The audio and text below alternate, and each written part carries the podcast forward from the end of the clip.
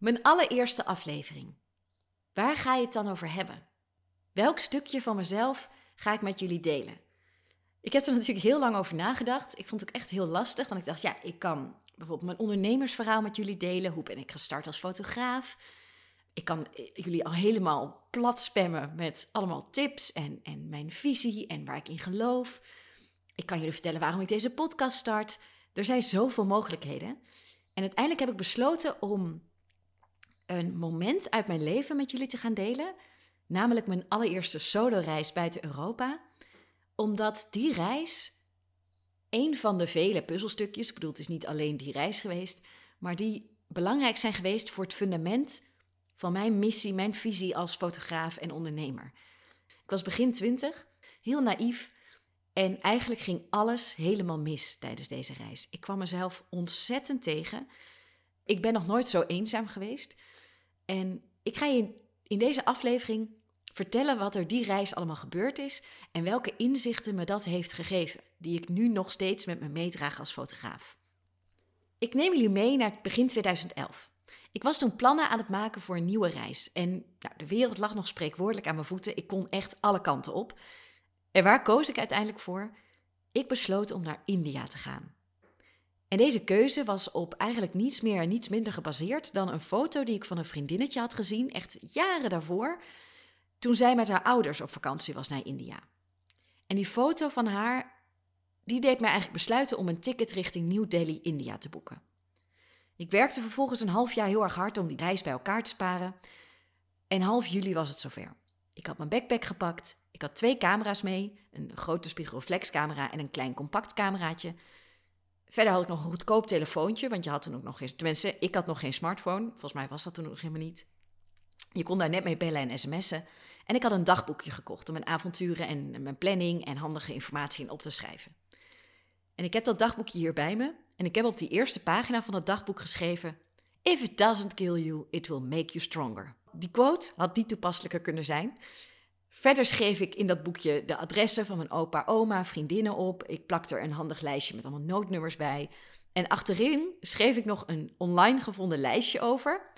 En dat met de titel 10 tips om hinderlijke types op afstand te houden. Met onder andere vertrouw je instinct en toon, toon respect, bedek je lichaam, draag een trouwring en wees een bitch als het nodig is. Kijk heel zelfverzekerd.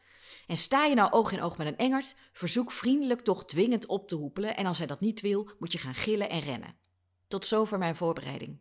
Ik was klaar om te vertrekken.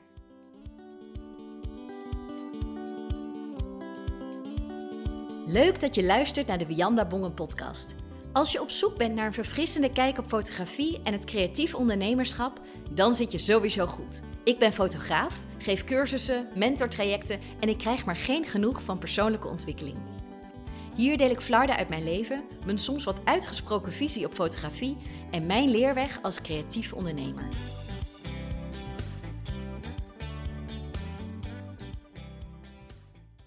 Qua voorbereidingen was ik dus een minimalist, zou je kunnen zeggen.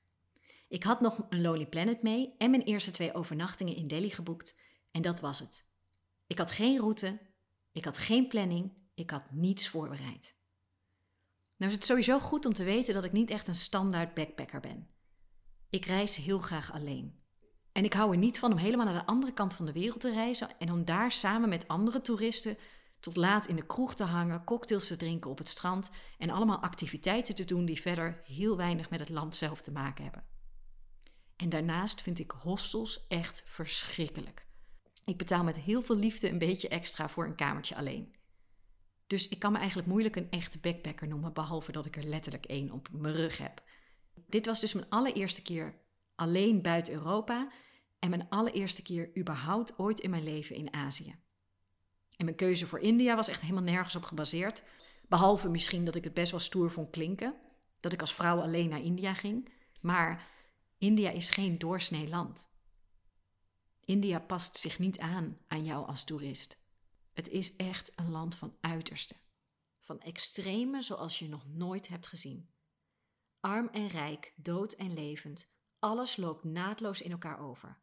Alles is met elkaar verbonden. De rivier de Ganges is daar voor mij een heel goed voorbeeld van. Op een paar vierkante meter eigenlijk zie je een soort van alle etalages van het leven. Er worden ergens kleding gewassen, iets verderop wordt een lichaam verbrand, er wordt water gehaald. Kinderen zijn er overal tussendoor aan het spelen. En dan als kers op de taart vaart er een bootje met toeristen voorbij die dit alles dan vanaf een afstandje met hun camera's vastleggen. Je weet gewoon eigenlijk niet wat je ziet en waar je moet kijken. Het is zo surrealistisch. De rauwheid van het leven is naar mijn idee nergens zo zichtbaar als in India. Toen ik mijn ticket richting India op zak had, maar ik toch wel vaak geschrokken gezichten kreeg als ik vertelde wat ik van plan was, negeerde ik dat. Deed ik net alsof het niet bestond. Maar diep van binnen groeide de spanning. Ik gooide het maar op opwinding, dat ik uh, gespannen was voor dit avontuur. Maar als ik nu terugga naar het moment dat ik in mijn eentje op Schiphol zat te wachten bij de gate, dan voel ik dat opgejaagde gevoel en een zwaarte in mijn buik, die kon ik gewoon bijna niet negeren. Ik voelde in elke vezel van mijn lijf dat ik eigenlijk niet wilde. En als ik toen echt voor mezelf had gekozen, als ik toen scheid had gehad aan wat anderen zouden kunnen denken, dan was ik met mijn ouders weer teruggegaan naar huis en dan had ik een hele zorgeloze zomer gehad in Nederland. Maar ik stampte als een olifant in een porseleinkast over mijn gevoel heen en vloog zonder enig plan naar Delhi toe. Ik moest hier gewoon heel even doorheen. Ik, ik kon dit. Maar in Delhi werd het eigenlijk alleen maar erger. Dat opgejaagde gevoel werd alleen maar meer. De stad slokte me helemaal op. Ik vluchtte na een paar dagen richting Hariwar. Dat was een rustig dorpje aan de Ganges, al dus mijn Lonely Planet. Maar mijn reisgids had een of ander groot festival over het hoofd gezien, waardoor ik letterlijk over de hoofden heen kon lopen en met heel veel moeite een slaapplek vond. En daar kreeg ik na nog amper drie dagen in India te zijn geweest diarree.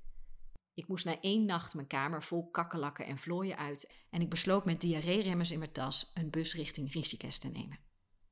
En hier begint het. Want tijdens deze busreis ontmoette ik een meisje uit Spanje. Ze heette Laura, was ietsje ouder dan ikzelf. Ze was ook in haar eentje op reis, veel volwassener dan dat ik was, en ik voelde me echt meteen op mijn gemak bij haar. Wat ik toen nog niet kon weten was dat onze toevallige ontmoeting mijn leven uiteindelijk min of meer zou redden. We kletsten in de bus wat en we besloten in Rishikesh zelfs om samen een kamer te delen in een hostel. Nou, jullie weten nu wat voor een baanbrekende keuze dat voor mij was. De backpackende Einzelganger ging in een hostel slapen. Maar ik durfde weer eens geen nee te zeggen toen Laura het voorstelde. Je kunt ruim 6000 kilometer afleggen naar ergens aan de andere kant van de wereld, maar je neemt jezelf altijd met je mee. Dus we deelden een kamer. Ik dacht toen nog dat ik een Delhi Belly had. Dat, ja, reizigersdiarree noemen ze dat volgens mij. Ik werd steeds zieker, ik kreeg koorts, ik kon niets meer binnenhouden en vooral de buikpijnen waren bijna ondraaglijk. Ik had op een gegeven moment zelfs bloed bij mijn diarree en ik maakte me echt serieuze zorgen. Het kostte me enorm veel moeite om positief te blijven. En ik voelde me steeds verder, als het ware, wegzakken in een soort negatieve spiraal. En ik belde af en toe wel met mijn ouders of met vriendinnen, maar dat maakte dat gevoel van eenzaamheid eigenlijk alleen maar erger. Ik heb echt uren door mijn fotoboekje gebladerd die ik mee had. En ik kon mezelf eigenlijk wel, en ik kon mezelf ondertussen wel voor mijn kop slaan. Waarom moest ik zo nodig naar India toe? Wat had ik te bewijzen en vooral aan wie? En ik had er op dat moment zoveel voor over gehad om weer terug naar huis te mogen. Maar zelfs dat kon niet, want ik was gewoon te ziek om überhaupt mijn bed uit te komen. Op aanraden van mijn ouders heb ik toen nog met mijn reisverzekering gebeld, maar die namen het natuurlijk helemaal niet serieus. Ja, lieve mevrouw, u bent in India en u hebt buikpijn. Wat wilt u dat we doen? Uiteindelijk bleek het geen Delhi Belly te zijn. Laura kwam na een dag hiken terug op onze kamer en ik was echt amper meer aanspreekbaar. Alsof alle kracht zeg maar uit mijn lichaam getrokken werd. Ze heeft meteen een arts geregeld en ik ben met een soort busje wat door moest gaan voor ambulance weggebracht. En ik lag op een soort houten plank in dat omgebouwde busje en door de onverharde wegen in India vloog ik alle kanten op. Laura probeerde me zo goed mogelijk vast te houden, maar ik had een veel te strak zuurstofmasker op en de dop van het infuus viel er meerdere keren naar beneden. Ik zat helemaal onder die vloeistof. Toen ik bij het eerste ziekenhuis aankwam, dat was een kleine kliniek ergens in de jungle, werd ik eigenlijk meteen weer weggestuurd. Ze konden niets voor me doen. Dus we gingen door naar een volgend ziekenhuis. Daar werd ik helemaal volgepropt met allemaal medicijnen. Moesten we meteen contant afrekenen en daarna eigenlijk min of meer ophoepelen. Want ze konden, en het zijn hun woorden, geen dode toerist gebruiken, want dat was slecht voor de reputatie van het ziekenhuis. Nou, Laura was het daar niet helemaal mee eens, dus die liet me even alleen om dit soort van aan te vechten. Of in elk geval in gesprek te gaan met de directeur van het ziekenhuis. Maar er kwamen toen al twee broeders aan die mij naar een ambulance brachten. Oh, en toen raakte ik echt een beetje in paniek. Laura was er niet, ik wist niet wat zij aan het doen was en ik wilde niet weg zonder haar. Maar niemand luisterde en ik werd met een brancard een nieuwe ambulance ingetild. Een van de broeders die had mijn hoofdeinde vast, die had een grote tulband op zijn hoofd en een hele lange baard. Nou is dat op zich niet heel erg iets nieuws, want heel veel mannen in India hebben dat. Maar ik weet dit nog specifiek omdat ik hem nooit zal vergeten. Hij zette de brancard neer in die ambulance en klopte bij het weer naar buiten gaan heel even kort op mijn schouder en dan een beetje tussen mijn schouder en mijn borst in. En hij klopte zo van, nou, zo, jij ligt. En, op, en met dat hij dat doet, voel ik een korte aarzeling. En toen dacht ik in oh ja, shit, ik heb helemaal geen BH aan. Ik lag natuurlijk al dagen ziek op bed. En ja, dan, het ligt gewoon niet lekker om dan een BH aan te hebben. Dus ik had gewoon een shirtje aan, daaronder een hemdje en ook wel een sjaaltje om. Maar ik had geen BH aan. En ik realiseerde me op dat moment dat hij dat had gevoeld. Maar hij stapt gewoon uit en hij doet ook verder niks. Dus ik dacht, oh nou gelukkig. Nou, buiten was het aarde donker en ik zat te wachten van wat zou er nu gebeuren. En in één keer hoor ik geluid. En ik dacht, oh daar komt Laura vast weer aan. Maar die broeder stapt weer binnen met die tulband. En wat er toen gebeurde, dat. Ja, ik zal niet te veel in detail treden, maar hij kon zijn handen niet thuis houden. En dit moment heb ik iedereen wel verteld. Ik ben hier ook altijd heel open in. En ik dacht altijd, joh, dat heb ik uh, verwerkt of dat is geweest. En dat, ik was heel ziek, ik had het niet zo door. Maar ik merk nu met deze aflevering en met dat dit moment meer met me heeft gedaan dan ik misschien door had. Of dat het misschien nog niet helemaal verwerkt is, wat ik eigenlijk wel dacht. Want ik, ik, ik gooide het altijd bij het vertellen van dit stuk een beetje op. Ja, maar ik was heel ziek. Dat was heel fijn, want daardoor heb ik het niet heel bewust beleefd. Maar ik weet elk detail nog. Het is ruim tien jaar geleden. Dus ik merk dat ik hier misschien nog wel iets mee moet. Want ik geloof er heel erg in dat als je lichaam een bepaald trauma heeft meegemaakt. en je hebt dat niet verwerkt of je bent daar niet mee aan de slag gegaan. wat ik dus niet heb gedaan. dat, het, dat zich dat ergens opslaat in je lijf. Dus ik heb besloten om hier wel nog wat mee te gaan doen. Ik weet nog niet zo goed wat. Maar in elk geval, ik, ik lag daar dus. En inwendig was ik echt aan het schreeuwen. Maar behalve de tranen die over mijn wangen liepen, deed mijn lichaam gewoon helemaal niks. Ik lag helemaal stil. En dat duurde voor mijn gevoel echt minutenlang. En misschien waren het maar seconden, ik, ik weet het niet. Maar in één keer hoorde ik buiten geluid en hij hoorde dat ook en hij was weg. En toen kwam Laura weer in de auto en zij zag natuurlijk meteen dat er iets aan de hand was. En ze vroeg ook wat er was gebeurd.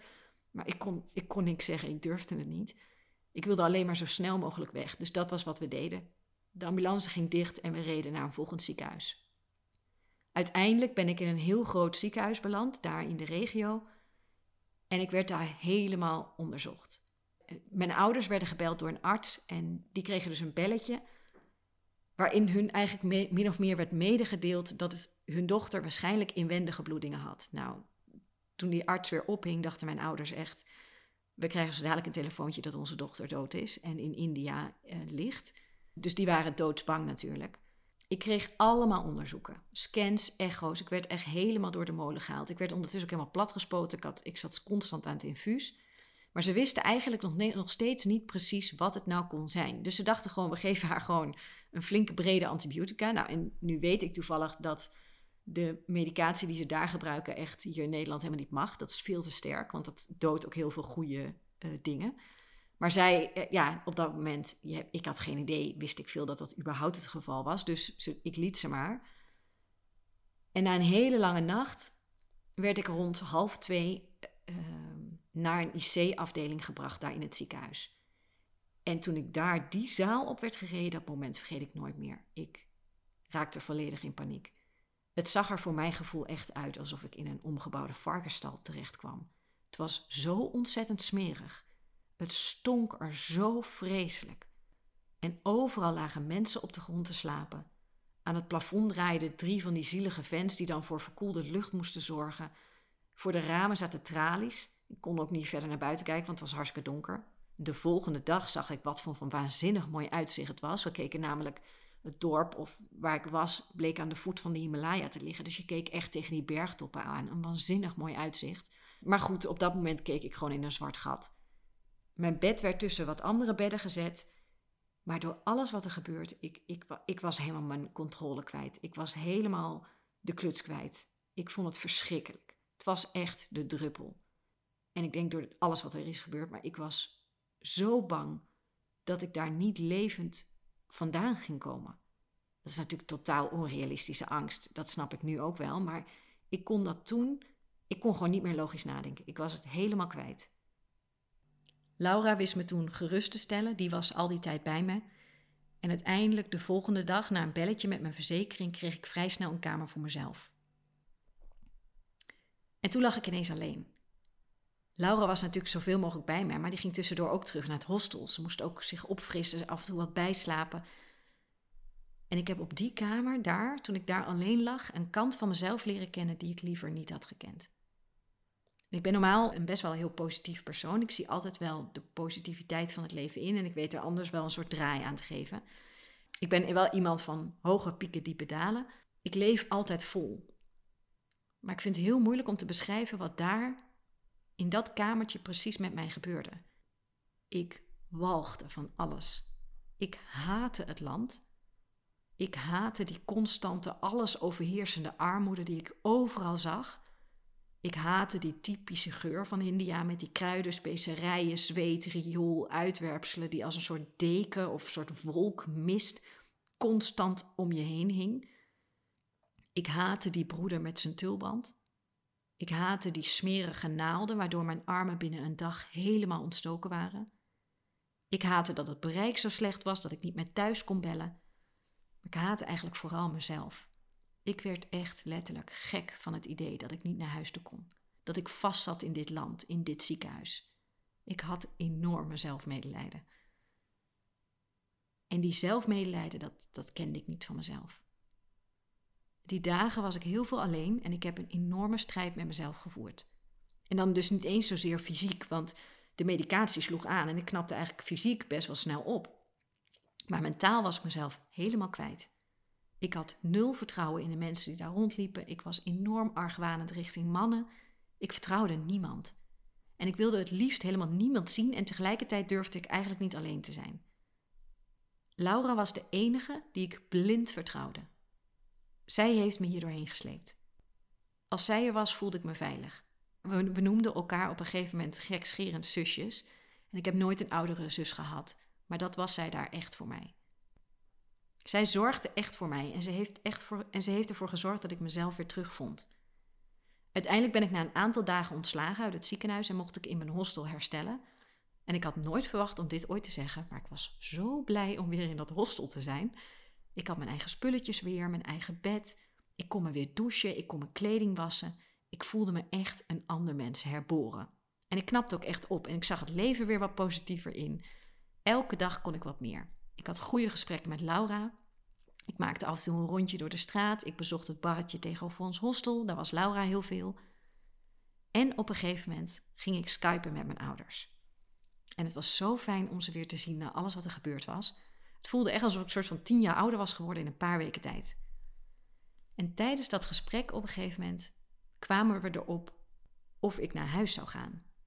En mijn vader zei op een gegeven moment: Volgens mij moet je nog niet naar huis toe komen. Je hebt hier zo lang voor gespaard. Je hebt hier zoveel voor gelaten afgelopen half jaar. Als jij nu naar huis toe komt, dan krijg je spijt. En ik weet nog dat ik daar zat en ik hoorde hem dat zeggen. En ik had dit totaal niet zien aankomen dat hij dat zou zeggen. Uiteindelijk ben ik na ons gesprek met echt een knoop in mijn maag teruggegaan naar mijn kamer. Tja, wat had ik verwacht? Of wat had ik misschien gehoopt dat ze voor mij die keuze zouden maken? Ja, dat was natuurlijk wel het makkelijkste.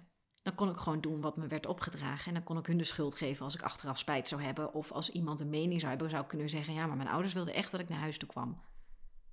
Maar dat deden ze dus niet. Want zij wisten ook niemand anders dan ikzelf kon deze keuze maken. En ik vind dat zo knap van mijn ouders. Kijk, ik ben zelf moeder. Ik moet er niet aan denken als mijn dochter doodziek in India ligt.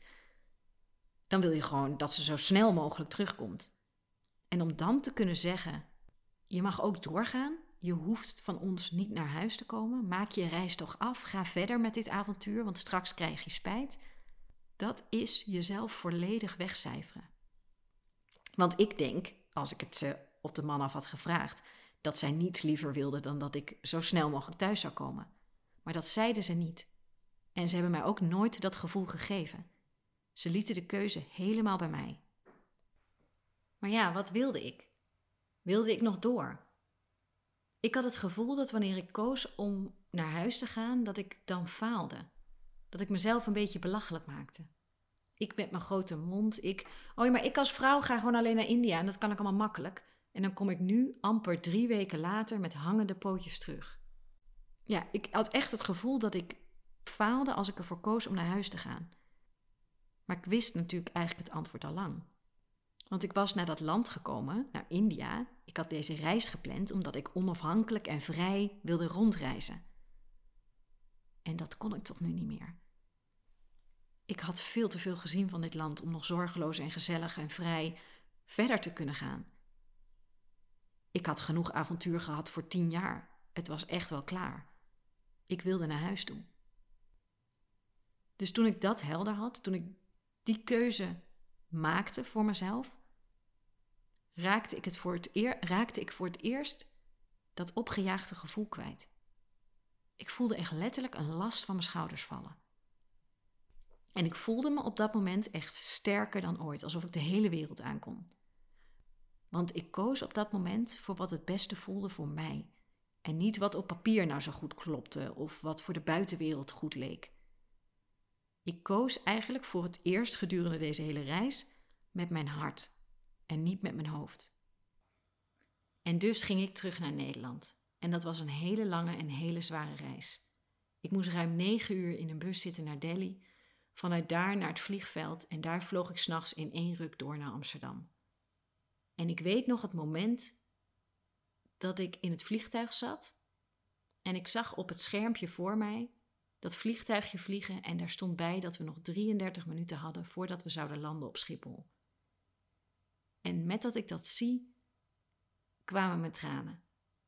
Ik kwam, ik ben heel naïef en bijna kinds dit avontuur ingegaan. En ik ging nu weer terug als een volwassen vrouw, amper drie weken later. Ik had zoveel gezien en zoveel meegemaakt. En nu zat ik daar in dat vliegtuig en ik zag die 33 minuten staan. En ik realiseerde me dat ik zo gegroeid was in zo'n korte tijd. Ik was zo trots op mezelf. Deze reis had, ook al was die heel heftig, ook al had ik hem liever niet meegemaakt, deze reis heeft me ook heel veel moois gebracht. Hij heeft me heel veel inzichten gegeven die ik nu nog steeds met me meeneem. En op Schiphol natuurlijk meteen mijn ouders in de armen gevlogen. Dat was een perfect item geweest voor Hello Goodbye. Gemiste kans. Nee, dat was echt onbeschrijfelijk fijn. En uiteindelijk thuis begon natuurlijk eigenlijk pas het verwerken. Ik, ik was echt, ik huilde, ik vertelde 300 keer mijn verhaal. Ik sliep veel, ik moest ook gewoon lichamelijk herstellen. Ik was ontzettend afgevallen. En bij dat verwerken en herstellen hielpen de foto's die ik had gemaakt me heel erg. Alsof ik een bepaalde afstand had, natuurlijk letterlijk. Er zat ruim 6000 kilometer tussen. Maar ook door die beelden is er toch altijd een bepaalde afstand tot wat je hebt meegemaakt. En ik had heel veel foto's gemaakt. Foto's in het ziekenhuis, in de ambulance, in mijn hostel. En die foto's gaven een gezicht aan mijn verhaal. Het voelde toen ik dat allemaal liet vastleggen of vastlegde ter plekke soms best wel gek. Dan lag ik in dat ziekenhuis heel ziek en dan vroeg ik of Laura een foto van mij wilde maken. Maar ik ben mezelf daar achteraf heel dankbaar voor dat ik dat wel heb gedaan. En ik herbeleefde vanaf een hele veilige afstand alles wat ik had meegemaakt weer. En ik maakte er een album van. Het heeft mij echt geholpen bij het verwerken. Ik leg eigenlijk altijd al alles, allerlei gekke dingetjes uit mijn leven vast. Omdat ik het niet wil verliezen, omdat ik het niet wil vergeten. Voel je dus nooit bezwaard om momenten waarvan jij merkt dat ze voor jou belangrijk zijn uit je leven vast te leggen. Van momenten die je niet wil verliezen of die je nooit wil vergeten. Laat je idee alsjeblieft los van, ja, maar dit is niet normaal of wat zouden anderen wel kunnen denken. Luister gewoon naar je eigen gevoel. Mij heeft het geleerd dat beelden enorm kunnen troosten. Ze verstillen een soms heel heftig moment, zodat het tastbaar wordt. Ze kunnen je helpen bij het herinneren en bij het verwerken. En dat troosten, verstillen, helpen herinneren en verwerken is nu de basis geworden van mijn bedrijf als fotograaf. Dat is precies waarom ik nu doe wat ik doe met mijn werk. Soms op hele mooie dagen, soms wanneer we door de rauwheid van het leven omver worden geblazen. Je kan elk land ter wereld bezoeken zonder te hoeven veranderen. Je kunt als toeschouwer aanwezig zijn zonder je al te veel te hoeven aanpassen. En je kunt je ogen gewoon sluiten voor de ellende die soms recht voor je neus gebeurt. Je kunt gewoon de mooie highlights opzoeken en met de meute meegaan. En dat is leuk, want dan heb je plezier. Maar dat was voor deze reis blijkbaar niet wat ik nodig had. Juist toen ik mezelf overgaf aan India en meebewoog met dat wat er met me gebeurde, kwam ik dichter bij mezelf te staan. India leerde mij dat rationeel zijn zinloos is wanneer het erop aankomt. Ik moest dat leren loslaten en meer en meer naar mijn gevoel luisteren. Maar ik, ben daar heel ik moest daar heel diep voor gaan, maar daardoor leef ik nu wel ten volle. En geniet ik nog harder van wat ik nu heb. Maar eigenlijk vooral, ik sta nog dichter bij mezelf dan ik ooit deed. En ik durf nog meer te vertrouwen op mijn intuïtie en vooral op dat onderbuikgevoel. Dit was eigenlijk, India was voor mij eigenlijk één grote therapiesessie waarbij ik volledig binnenste buiten ben gekeerd. Fotografie is natuurlijk een luxe product. En zonder dat overleven we prima. Maar voor mij persoonlijk is het essentieel en cruciaal. En dat is het altijd al geweest, maar sinds India weet ik dat heel zeker. Fotografie is mijn spiegel voor het leven. Dit was mijn verhaal. Dit is één van de vele verhalen die ik met jullie wil gaan delen. En ik vond dit een mooie om mee te starten, omdat het iets vertelt over mezelf, over mijn persoonlijke ontwikkeling, maar ook hoe ik ben gevormd tot de fotograaf die ik nu ben. Nu vragen jullie er waarschijnlijk tot slot twee dingen af. Ten eerste, wat heb jij nou eigenlijk precies gehad? En ten tweede, spreek je Laura nog? Ik ga die twee vragen tot slot heel even beantwoorden. Ten eerste, ik ben in Nederland naar een tropenafdeling van het Radboud ziekenhuis gegaan en daar ben ik helemaal onderzocht. En daar kwamen ze uiteindelijk tot de conclusie dat ik een bacteriële infectie heb gehad aan de binnenkant van mijn darm. En die heeft mijn hele darm aangetast. Ik heb daar ook nog jarenlang last van gehad. Ik kon bijvoorbeeld moeilijk sinaasappelsap drinken, yoghurt. Uh, ik kreeg daarna echt heel erg buikpijn. Ik zei dan ook altijd: Oh, ik heb weer zo'n India-buik. Dat gaat inmiddels goed. Nu sinds een aantal jaar heb ik daar eigenlijk geen last meer van, gelukkig. Maar ik werd dus echt nog jaren herinnerd aan deze reis door middel van mijn buikpijn. Om de tweede vraag te beantwoorden, we volgen elkaar nog wel online en heel af en toe sporadisch spreken we elkaar wel eens. Maar het is echt wel verwaterd. Het is natuurlijk ruim tien jaar geleden dat ik deze reis heb gemaakt. Er gebeurt veel in de tussentijd. Zij is verhuisd naar Chili. Ik heb haar in het begin heel actief gevolgd tijdens haar reis en ook daarna de eerste jaren wel. Maar op een gegeven moment wordt dat contact, tenminste, dat merk ik, uh, minder. Maar ik zal haar nooit vergeten. Ze is echt het engeltje op mijn schouders. En bij ons thuis hebben we het ook nog best wel regelmatig over Laura. Mocht je nou nog een andere vraag hebben of mocht je iets willen vertellen, iets willen delen, dan mag je me natuurlijk altijd gewoon een DM via Instagram sturen. Bedankt voor je tijd, voor je aandacht en ik hoop natuurlijk tot de volgende.